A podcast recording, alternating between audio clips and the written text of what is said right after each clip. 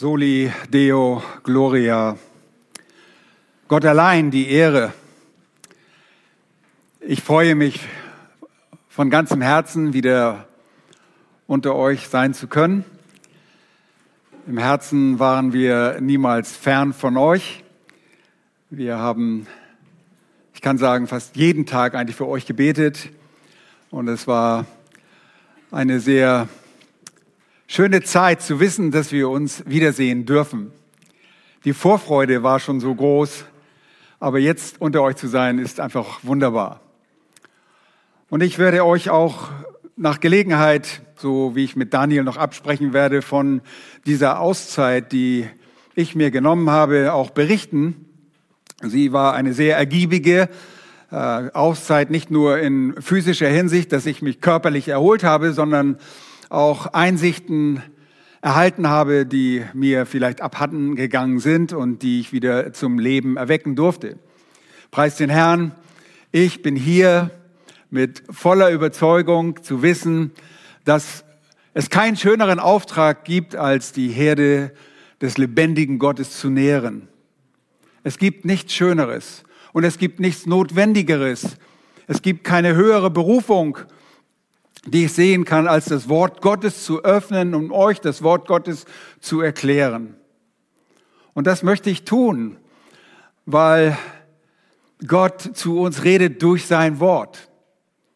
Und nicht, weil ich in Person hier stehe, sondern weil das lebendige Wort Gottes vor uns liegt und wir von Gott auch einen Verstand bekommen haben, um dieses Wort Gottes zu verstehen. Er hat unseren Verstand erleuchtet, so dass wir verstehen dürfen, was er sagt. Und das bereitet mir große Freude, dieses Wort Gottes zu öffnen. Und wie ihr wisst, haben wir schon vor meinem, vor meiner Auszeit den Brief des Apostel Paulus und seiner Begleiter Silas und Timotheus an die Thessalonicher uns angeschaut und ich habe mir gedacht, es gibt nichts Schöneres, als sofort in diesem Buch weiter fortzufahren.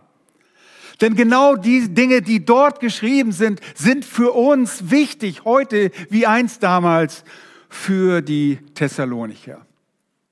Das Wort Gottes hat bleibende Bedeutung.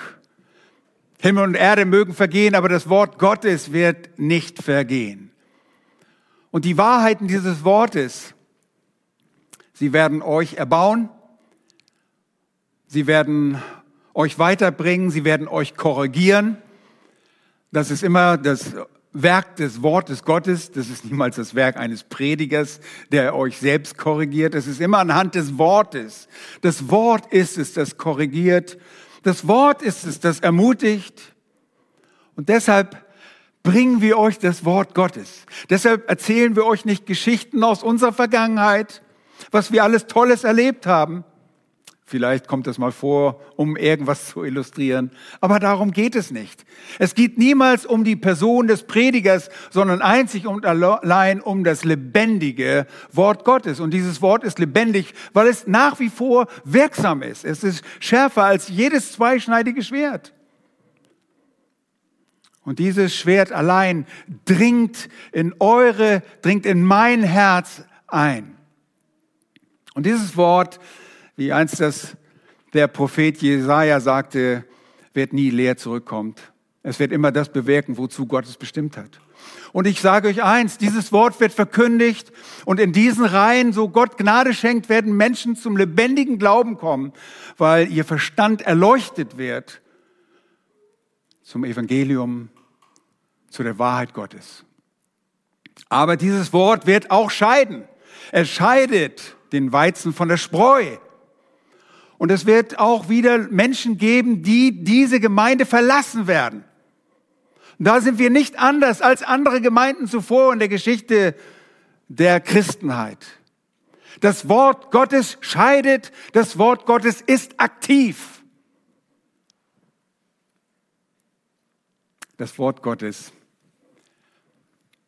ist etwas, worauf wir uns verlassen können. Und deshalb allein können wir hier in Ehrfurcht vor unserem lebendigen Gott sitzen. Wenn uns das bewusst wird, was wir hier was ihr auf eurem Schoß in euren Händen habt. Und einige haben noch die Vorkriegsversion, diese digitale Version. Äh, geht zurück zu den Büchern. Das ist das, was ihr braucht. Ihr braucht eine richtige Bibel, in der ihr folgen könnt. Wir wollen das Rauschen der Blätter hören. Wir wollen die Bibel lesen im Wort Gottes, so wie Gott zu uns reden wird. Nun, dieses Wort, darauf verlassen wir uns. Und wir haben als Männer gerade den Kolosserbrief studiert und da geht es darum, dass wir dieses Wort Gottes reichlich in uns wohnen lassen sollen. Das Wort des Christus, nur dort wird es so genannt. Das Wort des Christus. Jesus selbst hat gesprochen. Und eben, wenn wir uns den Thessalonicher vor Augen, den Brief vor Augen führen, dann wissen wir, dass dieses, diese Gemeinde nur deshalb entstanden ist, weil Jesus Christus zu seinem Wort steht und das genau tut, was er angekündigt hat, dass er tun würde. Was sagte er? Ihr erinnert euch, ich werde meine Gemeinde bauen. Und genau das tut er. Genau das tut er. Und wir sind Zeugen davon. Wir lesen die Apostelgeschichte und wir sehen das Wirken des Heiligen Geistes und das Wirken unseres Herrn Jesus Christus, wie er das durch seinen Geist und durch seine Diener, durch seine Apostel, diese besonders befähigten und berufenen Männer Gottes und die Propheten, die neutestamentlichen Propheten, die er auch einsetzt. Und mit solchen Leuten haben wir in der Thessal im Thessalonicher Brief zu tun. Wir erinnern uns nur schnell, Paulus, ein Apostel Jesu Christi, der von Jesus selbst den Auftrag erhalten hat, das Wort Gottes zu verkündigen. Er ist auf seiner zweiten Missionsreise mit zwei Männern unterwegs, einem jungen Mann namens Timotheus, den er auf seiner zweiten Missionsreise mitnimmt, und einen anderen sehr erfahrenen Mann, Silas oder Silvanus, ein Prophet, der selbst ein Prophet war aus Jerusalem, der aber nachdem er die Botschaft des äh, Apostel, äh, ältesten Konzils nach Antiochien brachte, dort blieb und den Paulus wählte anstatt von Barnabas. Silas, der ein Prophet war. Und diese Männer waren unterwegs. Sie verkündigten den Ratschluss Gottes, wie Jesus es ihnen befohlen hatte. Wir gucken uns das noch gleich etwas näher an, wie genau der Herr Jesus Christus das dem Apostel Paulus gesagt hat. Aber es entstand eine Gemeinde, eine glaubende Gemeinde, die in der Gnade Gottes stand. Und es ist einfach wunderbar zu sehen, wie diese Gemeinde ins Leben gerufen wird. Paulus der tatsächlich Paulus ist jetzt in dieser Zeit, sonst rede ich immer von diesen drei Männern zusammen, aber Paulus geht nach seiner Gewohnheit, er ging in die Synagoge, er verkündigte bei den Thessalonichern in der Synagoge, für drei Sabbate lehrte er dort, aber dann stellten sie fest, die Juden waren nicht sehr empfänglich, im Gegenteil, sie wiegelten sogar die eigenen Landsleute dort auf, die Heiden, und es führte dazu, dass sie selbst nur wenige Wochen oder Monate dort in, in dieser Ortschaft bleiben konnten. Aber innerhalb dieser kurzen Zeit baute der Herr Jesus Christus seine Gemeinde. Er erweckte Menschen zum Leben durch das verkündigte Wort. Sie glaubten. Und sie nahmen das Wort, das verkündigt wurde. Und ihr erinnert euch an 1. Thessalonicher Kapitel 2 und Vers 13. Ihr erinnert euch, dass die Apostel, der Apostel selbst und seine Begleiter, sie dankten unablässig Gott, dass ihr, ihr, die Thessalonicher, als ihr das von uns verkündigte Wort Gottes empfangen habt, es nicht als Menschenwort aufgenommen habt, sondern als das, was es in Wahrheit ist, als Gottes Wort, das auch wirksam ist in euch, die ihr gläubig seid. Hier entstand eine Gemeinde, und diese Gemeinde stand wirklich in der Gnade Gottes, denn der Glaube hörte nicht auf. Sie hatten einen aktiven Glauben. Sie hatten einen sehr ermutigenden Glauben. Und wenn ihr nochmal zurückschaut mit mir in das erste Kapitel und dort aufschlagt, dann erinnern sich sogar die, dieses Mission, erinnert sich sogar dieses Missionsteam an den Glauben der Thessalonicher. Und dieser Glaube, das war nicht nur irgendein theoretisches, ja, ich glaube, Jesus lebt und äh, gehe wieder nach Hause, sondern es war ein Glaube, der Werke hatte. Schaut mal dort in Vers 2. Wir danken Gott alle Zeit für euch alle, wenn wir euch erwähnen in unseren Gebeten, indem wir unablässig gedenken an euer Werk im Glauben. Sie taten Werke. Dieser Glaube war nicht tot. Er zeigte sich nach außen hin. Das, war kein, das waren keine Werke zur Erlangung des Heils. Das waren Glaubenswerke, die dem wahren Glauben entsprangen. Und gekoppelt an diesen Glauben gab es wahre Liebe. So wie der Glaube eine Gabe Gottes ist, so schreibt es Paulus in Epheser Kapitel 2. So erkennen wir auch eindeutig, dass die Liebe, die nicht nur eine theoretische Liebe ist, sondern zu harter Arbeit, hier heißt es zu Bemühung, führte. Schaut mal, sie gedachten an das Werk im Glauben und eure Bemühung in der Liebe. Es war an Liebe gekoppelt. Und auch die Liebe war eine Gabe Gottes, die am Tag des Glaubens in das Leben dieser Gläubigen ausgegossen wurde durch den Heiligen Geist, der diese Leute bewohnte, der in ihnen Raum nahm. Christus selbst nahm Raum in diesen Menschen. Er bewohnte sie. Menschen, die an Christus Jesus glauben, so wie wir auch heute sind, eine Behausung des lebendigen Gottes. Wir sind ein Tempel des lebendigen Gottes. Und so glaubten sie und wurden aktiv und so bemühten sie sich in der Liebe. Diese Liebe ist nicht eine Liebe, die mit dem Mund bekannt wird, sondern eine Liebe, die in, in Werke und in Taten sich ummünzte. Und wie echt dieser Glaube und wie echt diese Liebe war, offenbarte sich auch an ihrer Standhaftigkeit.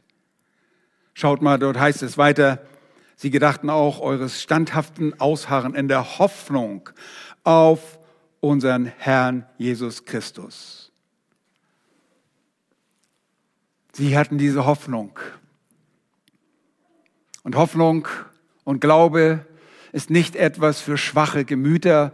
Es ist nicht für, Schwächlinge, die sagen, nun, die wissenschaftlichen äh, Erkenntnisse reichen nicht mehr aus. Lasst uns zum Glauben übergehen. Ihr Lieben, wenn wir glauben, dann glauben wir der Wahrheit, dann glauben wir dem, was wirklich wissenschaftlich ist, was Gott tatsächlich getan hat. Der Glaube offenbart vielmehr, dass die Wissenschaft von heute eine Pseudowissenschaft ist. Sie, die Thessalonicher, so wie wir heute, glauben dem lebendigen Gott, wir glauben dem, was er geoffenbart hat.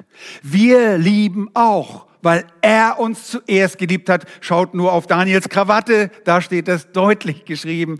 Da steht das Wort Gottes geschrieben. Das ist nicht nur Wort Gottes in dem Mann, sondern es hängt sogar das Wort Gottes an ihm dran. Das ist wunderbar. Ihr Lieben, wir haben Glaube, wir haben Liebe und wir haben Hoffnung. Und eben das Besondere dabei ist, dass wir wissen, dass dieser Glaube ein echter Glaube war, denn sie kam zum Glauben inmitten von Bedrängnissen. Das war nicht so eine Wohlstandsgesellschaft, wie wir es haben heute. Und wir müssen noch nicht mal irgendwas bereuen, wenn wir zu Christus kommen. Ah, gut, wir könnten vielleicht anecken bei unseren Arbeitskollegen. Wenn wir von Jesus erzählen, dann denken sie, wir haben eine, eine Macke oder so. Aber ihr Lieben, diese Christen hatten sich abgewandt von den Götzen, um dem lebendigen Gott zu dienen, inmitten einer ihnen feindlich gesendeten Gesellschaft. Und diese Feindlichkeit, die hatte bereits das Missionsteam erlebt, als sie aus Philippi kamen und dort misshandelt wurden, so kam dieses misshandelte und wahrscheinlich sichtbar misshandelt und erkennbar kamen die misshandelten Missionare nach Thessalonik. Und Paulus und seine Begleiter bereiten diese jungen Leute, diese Menschen vor, das sind nicht junge Gläubige, sind das, sie bereiten sie vor und sagen, ihr müsst viel Bedrängnis erleiden. Und ihr wisst, so ist es auch gekommen. Und nun musste dieses Missionsteam, wie ihr das noch sehr wohl in Erinnerung habt, vorzeitig diesen Ort verlassen. Und es ergaben sich Fragen, sind diese jungen Christen eigentlich bereit? Sie waren besorgt darum, ist dieser Glauben fest genug? Wird der Versucher kommen und die ganze Arbeit nichtig machen und diese junge Gemeinde in Zweifel bringen darüber, was gelehrt wurde? Und schaut mal Kapitel 3.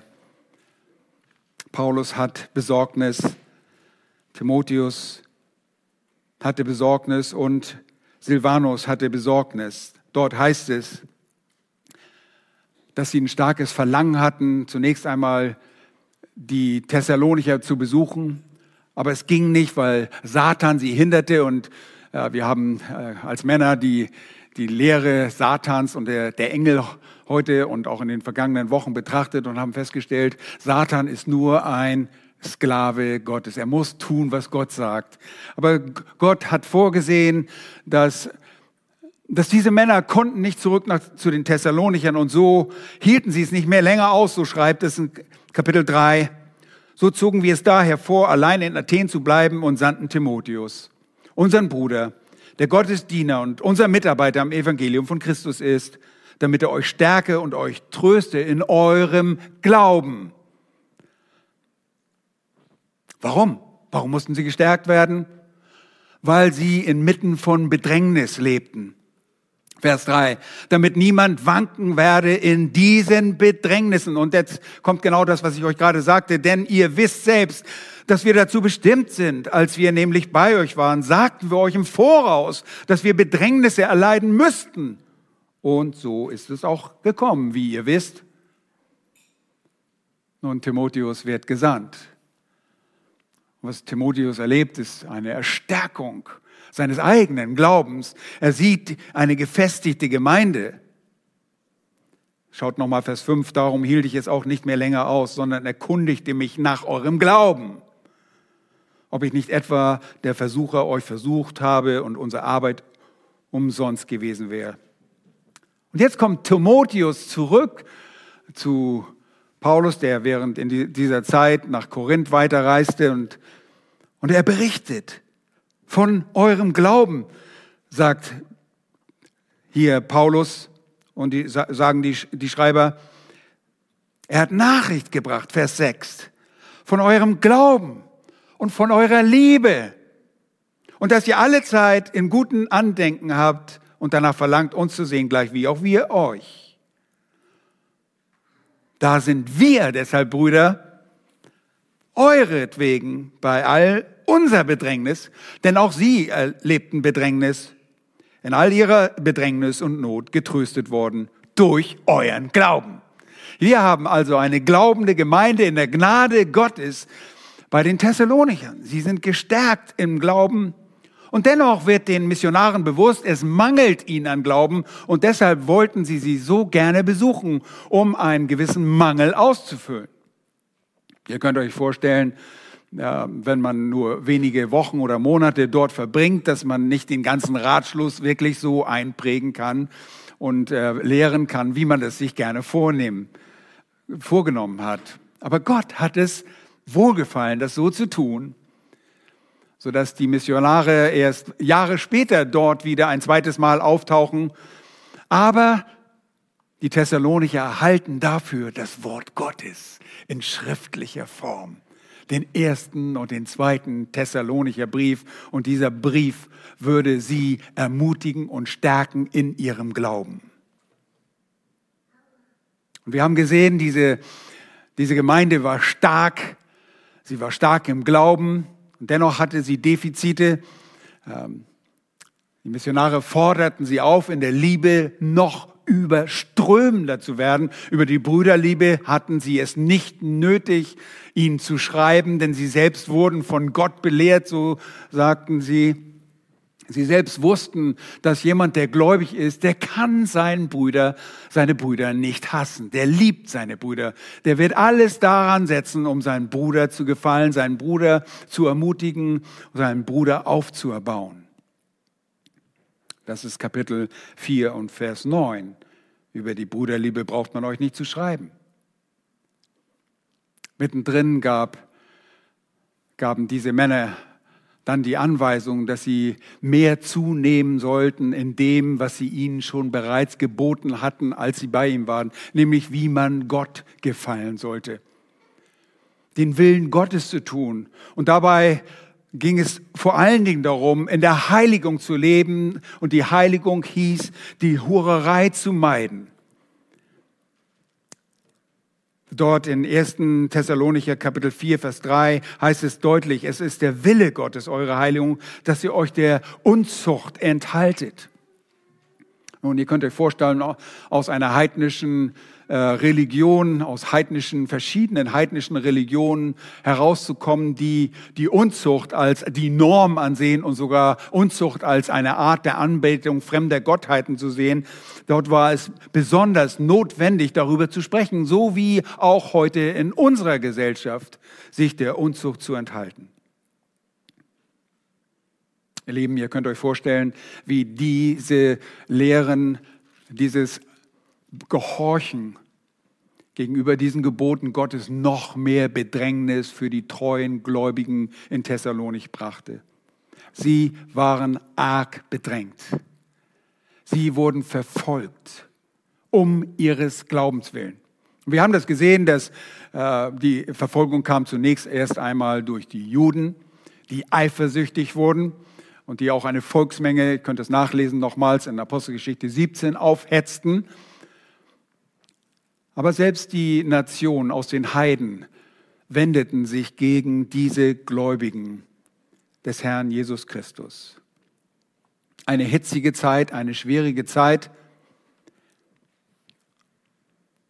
Und in so einer Zeit ist die Botschaft der Wiederkunft natürlich etwas Besonderes, Schönes. Wir haben auch im Laufe der Kirchengeschichte gesehen, dass ein ganz besonderes Interesse an eskatologischen, endzeitlichen Lehren, besonders die der Wiederkunft hinter dem eisernen Vorhang, besonders interessant war. Menschen, die wirklich in Bedrängnis und Not sind, die beschäftigen sich mit dem, was kommt. Sie wollen hören, was kommt, die Herrlichkeit dessen, was kommt. Die Offenbarung wurde aus diesem Grund geschrieben, damit die Christen in der Verfolgung wussten, was der Ausgang sein würde. Christus siegt. Ihr Lieben, das ist die gute Nachricht für uns. Wir kennen den Ausgang. Christus ist der Sieger. Und du als Kind Gottes bist auf der rechten Seite. Nun, in diesen schwierigen Zeiten befassten sie sich damit, wann kommt der Herr? Sie hatten eine Nahzeiterwartung. Was bedeutet es auf einmal, dass einige der Gläubigen starben, würden sie verpassen die herrliche Ankunft des Erlösers? Hatten sie vielleicht den Zeitpunkt der Begegnung mit dem Herrn verpasst? Und sind sie in eine Zeit hineingeraten, in der sie eigentlich wussten, dass sie nicht da sein sollten? Und ihr erinnert euch, wir haben uns bei den letzten Malen mit dem Tag des Herrn beschäftigt, ein Fachbegriff für den Zorn Gottes, ein Tag der Rache, ein Tag der Vergeltung unseres Gottes, der in der Schrift im Alten Testament zum Teil eine Erfüllung in einem Nahzeitereignis der Geschichte hatte, aber auch auf ein endzeitliches Ergebnis, äh, Ereignis hinwies, nämlich auf die letzte Zeit in der Drangsal für Jakob, für Israel. Nun, der Tag des Herrn ist der Tag des Ausgießens seines Zornes.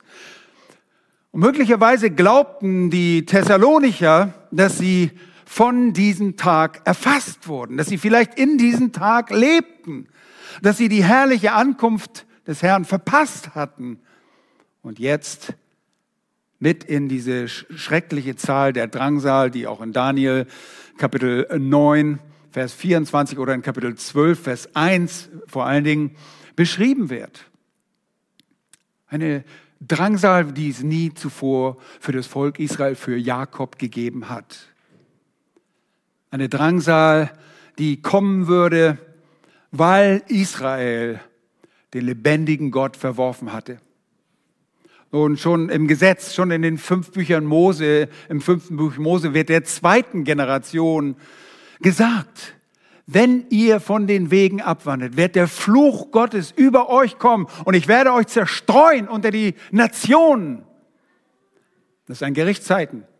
Die Zeiten der Nationen, Israel unter den Nationen ist das Gericht an Israel.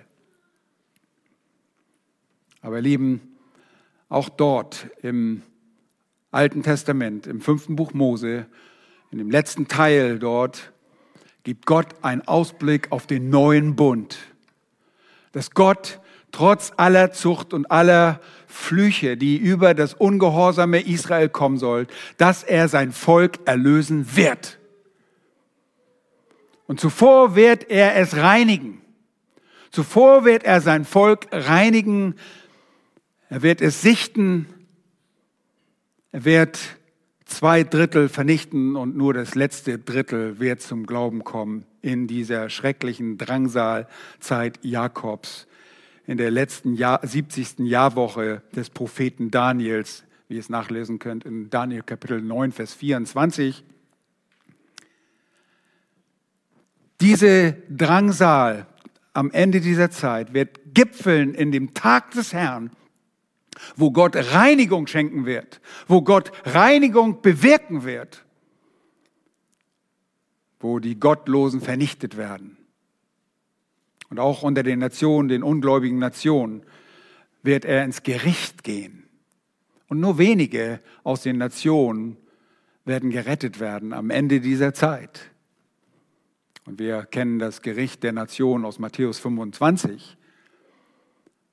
Dort ist dieser Tag, an dem Gott scheiden wird zwischen den Böcken und Schafen, den Böcken zu der linken und den Schafen zu der rechten. Die Schafe werden das Reich Gottes erben, aber die Böcke sind die lebendigen Gottlosen, die in die ewige Verdammnis eingehen werden. Und so wird der Tag des Herrn kommen, ein Tag des Zornes, der Bedrängnis, und die Thessalonicher dachten, möglicherweise sind wir in diese Zeit hineingeraten. Wir haben irgendwas falsch verstanden. Obwohl, Paulus macht es sehr deutlich und die Schreiber des äh, ersten Thessalonicher Briefs sowie des zweiten Thessalonicher Briefs machen es sehr deutlich, dass die Thessalonicher sehr gut unterrichtet waren in Bezug auf den Tag des Herrn und auch auf die Entrückung, auf die Begegnung und die Vereinigung mit dem Herrn. Sie waren sehr wohl belehrt, aber sie waren durcheinander. Und ihr Lieben, das war eigentlich die Einleitung und kurze Wiederholung zu dem, äh, zu der Predigt von heute. Und ich öffne jetzt meine erste Seite für die Predigt von heute. Und ich kann euch jetzt schon sagen, es gibt einen Teil 2 dazu. Bevor wir das tun, bevor wir die Predigt beginnen, Lasst uns äh, den Herrn um seine Hilfe bitten. Und keine Angst, ich habe in dieser Zeit der Auszeit immer noch äh, nicht die Uhrzeit vergessen. Lasst uns beten. Herr, wir danken dir von ganzem Herzen, dass du ein redender Gott bist, ein dich offenbarender Gott bist, der uns Verstand gegeben hat, der uns belehrt hat mit seinem Wort und auch den Thessalonicher Brief gegeben hat, damit wir erkennen können, wie wichtig es ist, dass wir eng an dir bleiben und an deinem Wort. Herr, dass wir selbst inmitten von Bedrängnissen und Schwierigkeiten und Nöten nicht den Verstand verlieren. Herr, und das bitten wir dich jetzt auch, dass du unseren Verstand neu erleuchtest und belehrst aus deinem Wort zu deiner Verherrlichung. Amen. Und ich lese euch den Text, mit dem wir uns auch nicht nächste Woche, aber übernächste Woche beschäftigen. Denn nächste Woche habt ihr nochmals das Vorrecht, unseren Bruder Daniel zu hören, so der Herr will. Aber der Predigtext ist aus 1. Thessalonicher Kapitel 5 und die Verse 4 bis 11. Und ich lese aber schon von Vers 1, damit ihr den Kontext vom Tag des Herrn noch einmal hat. Peride, also von den Zeiten, es fängt ein neues Thema an, von der Entrückung zum Tag des Herrn, von den Zeitpunkten und Zeiten und Zeitpunkten, aber braucht man euch Brüder nicht zu schreiben. Denn ihr wisst ja genau, dass der Tag des Herrn so kommen wird wie ein Dieb in der Nacht. Wenn sie, achtet auf die Pronomen, wenn sie nämlich sagen werden, Friede und Sicherheit, dann wird sie das Verderben plötzlich überfallen, wie die Wehen einer schwangeren Frau, und sie werden nicht entfliehen. Achtet den Wechsel der persönlichen Fürwörter. Ihr aber. Und hier fängt dieser Predigtext an. Ihr aber, Brüder, ihr seid nicht in der Finsternis, dass euch der Tag wie ein Dieb überfallen könnte.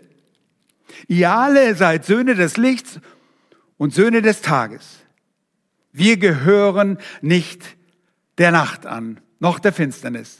So lasst uns auch nicht schlafen wie die anderen, sondern lasst uns wachen und nüchtern sein.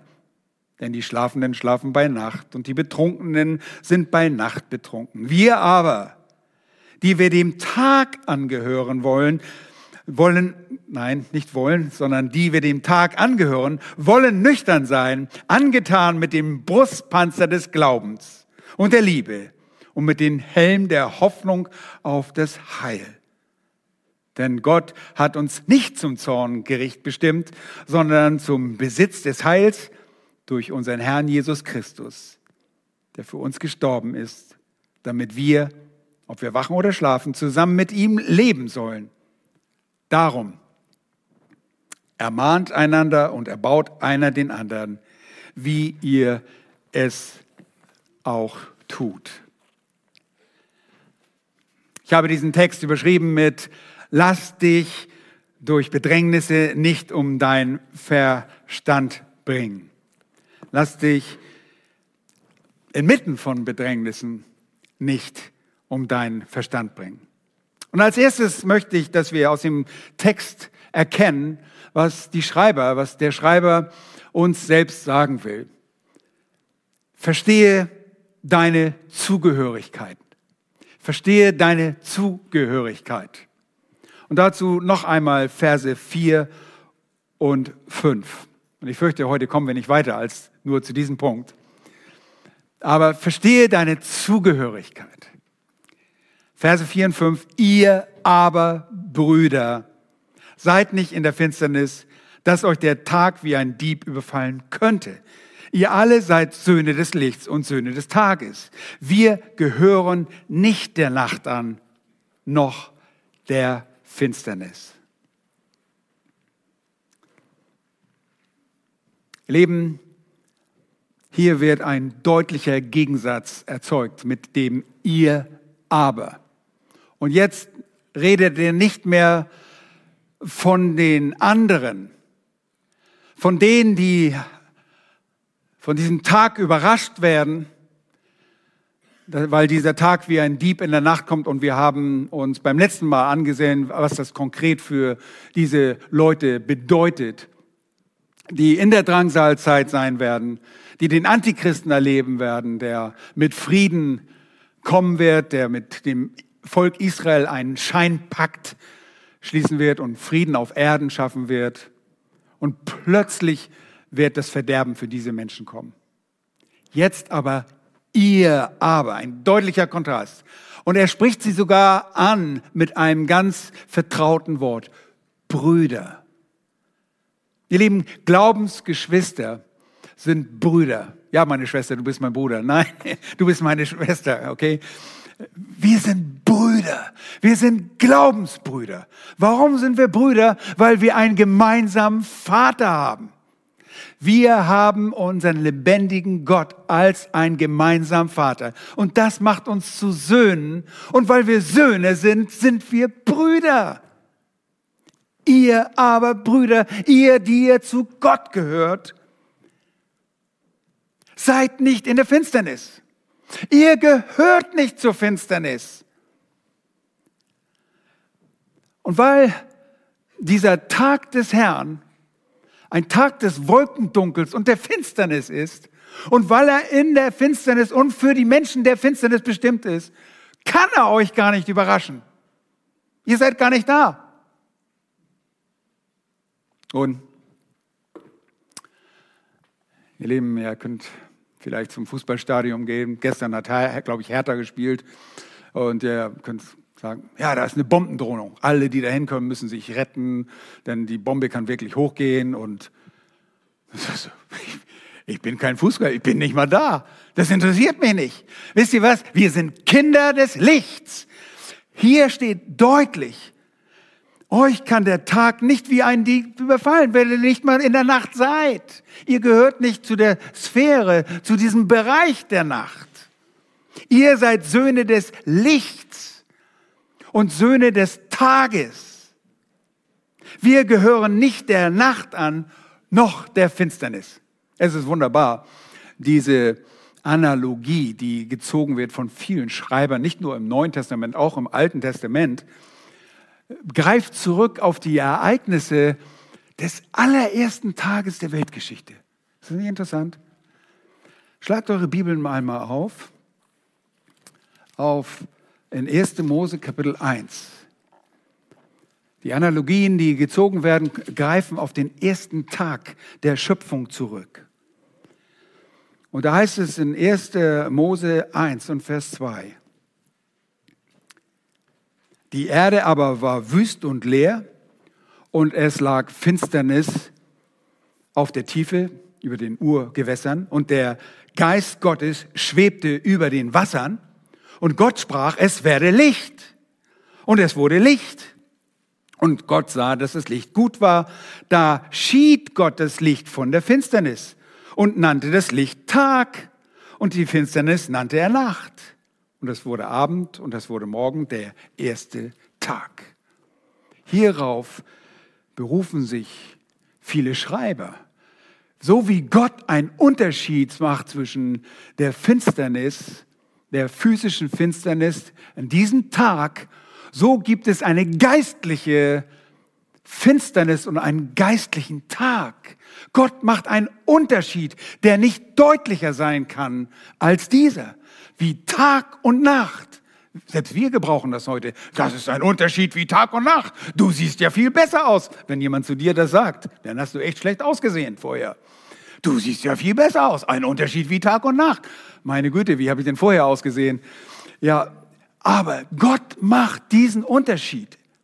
Und die Schreiber des Alten sowie des Neuen Testaments gebrauchen diese Wahrheit für ihre geistlichen Wahrheit, um bildhaft zu sprechen, um analog zu sein in einem geistlichen Sinn. Und ich liebe vor allen Dingen 2. Korinther 4, und ihr wisst vielleicht schon, worauf ich hinaus will. Aber in 2. Korinther 4, bitte schlagt das mit auf. 2. Korinther 4, Da sagt Paulus, wenn aber unser Evangelium, 2. Korinther 4 und Vers 3, wenn aber unser Evangelium verhüllt ist, und das ist nicht ihre eigene Botschaft, das ist das, die, die das Evangelium, das Gott ihnen anvertraut hat, so ist es bei denen verhüllt, die verloren gehen, bei den Ungläubigen, bei denen der Gott dieser Weltzeit, das ist Satan, die Sinne verblendet hat, den Verstand verblendet hat. Menschen sind verblendet in ihrem Verstand so dass ihnen das helle Licht des Evangeliums von der Herrlichkeit des Christus nicht aufleuchtet, welcher Gottes Ebenbild ist. Den verkündigen wir nicht uns selbst, sondern Christus Jesus, dass er der Herr ist, uns selbst aber als eure Sklaven um Jesu willen. Und jetzt achtet mal auf Vers 6. Denn Gott, der dem Licht gebot, das ist 1. Mose 1,3, aus der Finsternis hervorzuleuchten. Er hat es auch in unserem Herzen Licht werden lassen, dass wir erleuchtet werden mit der Erkenntnis der Herrlichkeit Gottes im Angesicht Jesu Christi. Oh, ihr Lieben, das ist wunderbar. Das Evangelium zu verstehen, wenn du glaubst an das Evangelium, wenn du dem Evangelium Jesu Christi glaubst, dann weil Jesus Christus so gesprochen hat, weil er dich errettet hat, weil er dir das helle Licht des Evangeliums deutlich hat aufleuchten lassen. Andere haben dieses Licht nicht erkannt. Geht mal zu Johannes 1. Jesus kommt in sein Eigentum, er kommt in diese Dunkelheit der Welt und die Welt erkennt das Licht nicht. Warum? Weil sie ihre Bosheit mehr liebten. Nun, es wird sehr, sehr deutlich, dass es ein Reich der Finsternis gibt. Wir haben heute äh, in der Stunden unseres Männertrainings uns mit dem Kolosserbrief beschäftigt.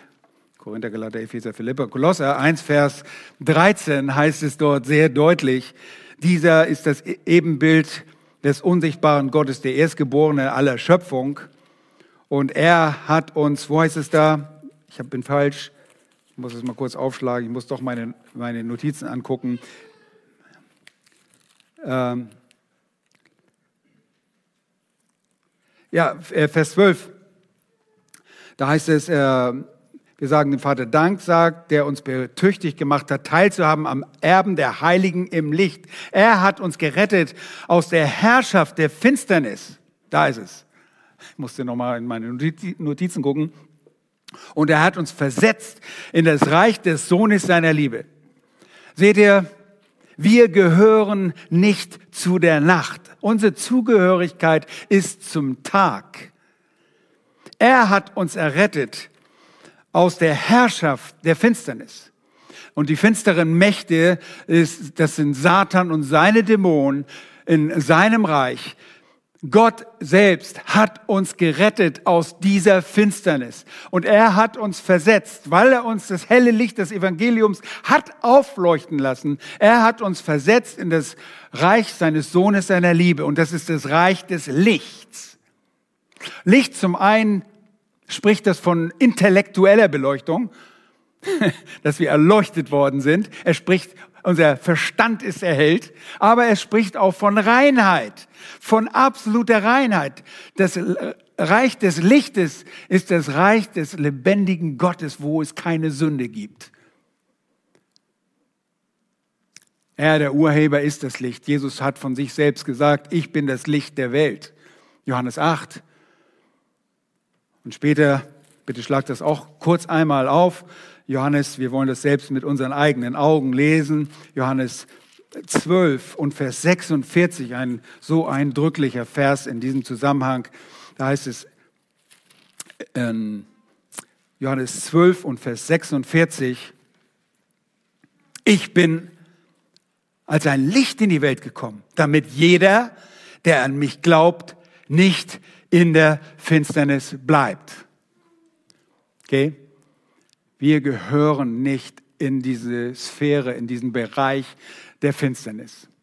Und allein aus diesem Grund kann uns der Tag des Herrn nicht überraschen.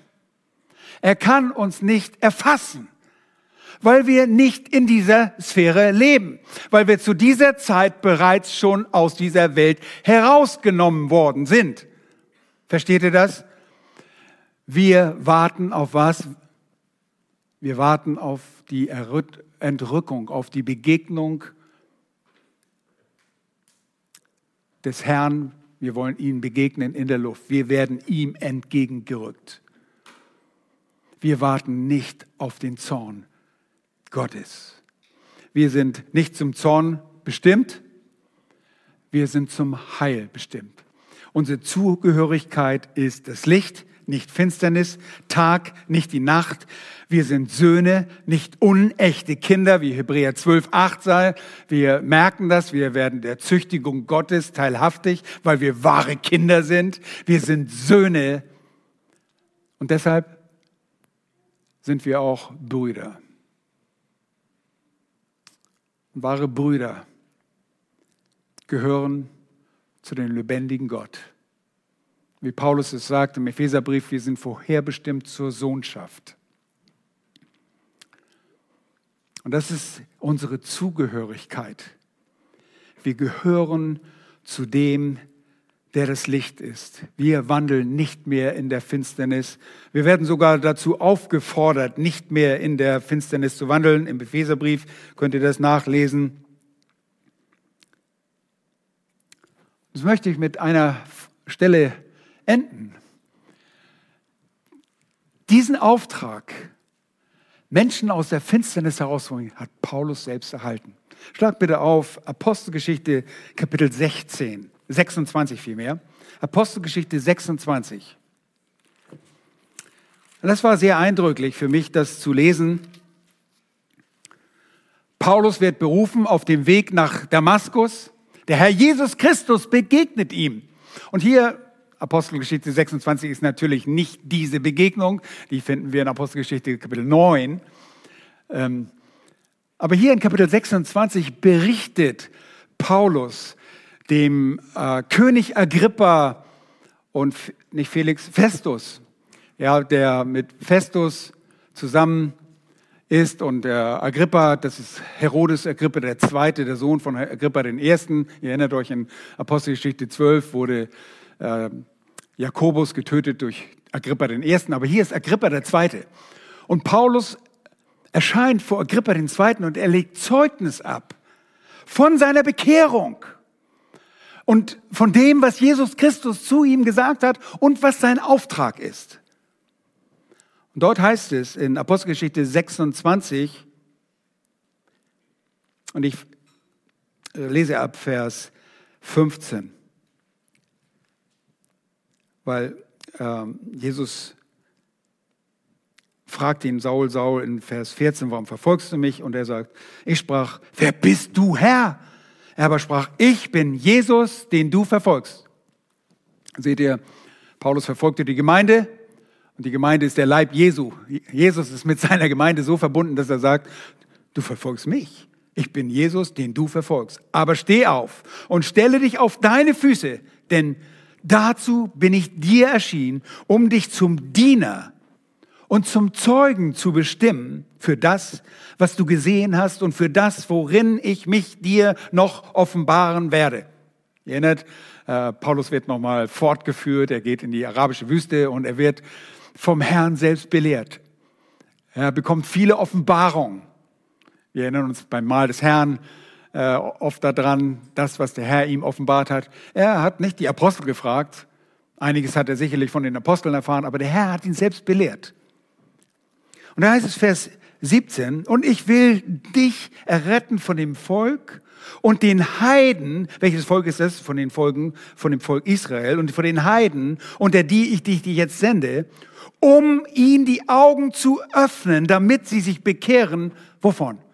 Von der Finsternis zum Licht und von der Herrschaft des Satans zu Gott, damit sie Vergebung der Sünden empfangen und ein Erbteil unter denen, die durch den Glauben an mich geheiligt sind. Ist das nicht wunderbar? Hier wird auch genau gesagt, damit sie sich bekehren von der Finsternis. Ihr Lieben, wir waren einst Finsternis. Wir wandelten allen einst als in der Finsternis. Wir waren absolut blind. Unser Intellekt, unser Verstand war nicht erleuchtet. Wir haben Dummheiten gemacht.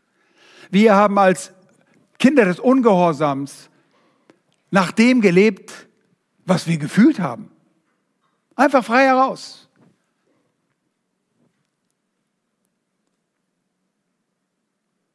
Nun, unsere Zugehörigkeit ist jetzt eine, dass wir zu dem Licht gehören zu dem Herrn Jesus Christus. Er gibt uns Licht. Er gibt uns den Maßstab seines Wortes. Das ist Licht. Dein Wort ist meines Fußes Leuchte und ein Licht auf meinem Weg. Dieses Licht, dem folgen wir. Wir erfolgen einer Person.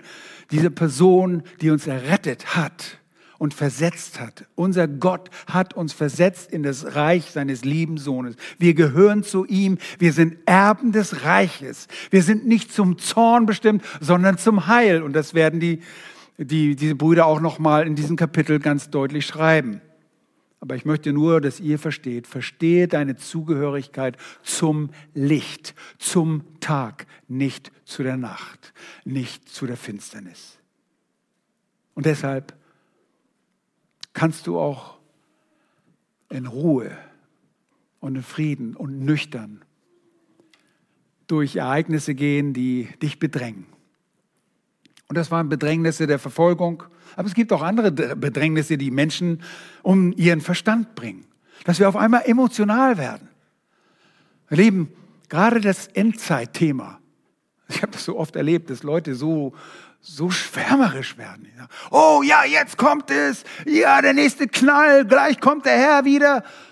Herr Leben, lasst uns wirklich so sein und im Licht wandeln. Und dieses Licht ist das Wort Gottes. Auf Grundlage des Wortes Gottes Dinge beurteilen. Lasst uns zunächst einmal unserer Zugehörigkeit bewusst sein, dass wir nicht denken, oh, über uns kommt die ganze schreckliche Drangsalzeit. Die ist bestimmt für das ungläubige Israel, damit es gereinigt wird und damit das Reich Gottes vorbereitet wird. Das ist der Sinn. Und dabei belassen wir das, denn auch eure Uhren ticken weiter. Lasst uns dem Herrn danken, dass wir zum Licht gehören, dass er uns aus dem Licht, aus dem Reich der Finsternis befreit hat. Herr, wir danken dir selbst. Lieber Gott und Vater, du hast uns herausgezogen, herausgerettet, für dich selbst herausgezogen in das Reich deines lieben Sohnes so wie einst die Thessalonicher, die du dazu bewegt hast, auf die Botschaft des helle Licht des Evangeliums zu reagieren, so dass sie sich von ihren Götzen abgewandt haben, um dir, dem lebendigen Gott, dem wahren Gott zu dienen. Ja, und auch das wollen wir tun. Ja, wir wollen uns nicht mit irgendwelchen Spekulation über Zeitpunkte und Zeiten und Ereignisse, die sich um uns ergießen. Herr, Kriege, die sich möglicherweise erheben und vielleicht sogar eine atomare Verseuchung. Herr, wir wollen uns auf dein Wort konzentrieren. Denn da allein finden wir die Wahrheit. Wir halten daran fest, was du gesagt hast. Danke, dass du uns befreit hast, dass du uns gerettet hast. O dein Reich des Lichts ist ein wunderbares Reich, wo du selbst eines Tages regieren wirst in aller Ewigkeit, sogar in, in dem ewigen Zustand, wo du selbst Licht sein wirst, wo es weder Tag noch Nacht geben wird, weil du selbst das Licht bist. Wir preisen dich, dass wir in dieser Wahrheit wandeln dürfen.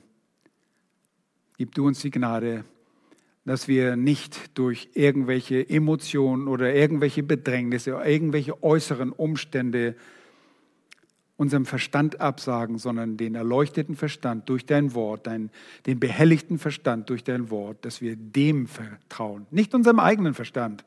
Darauf verlassen wir uns niemals, sondern nur ein Verstand, der durch dein Wort erleuchtet ist. Wir preisen dich und beten dich an in Jesu Namen.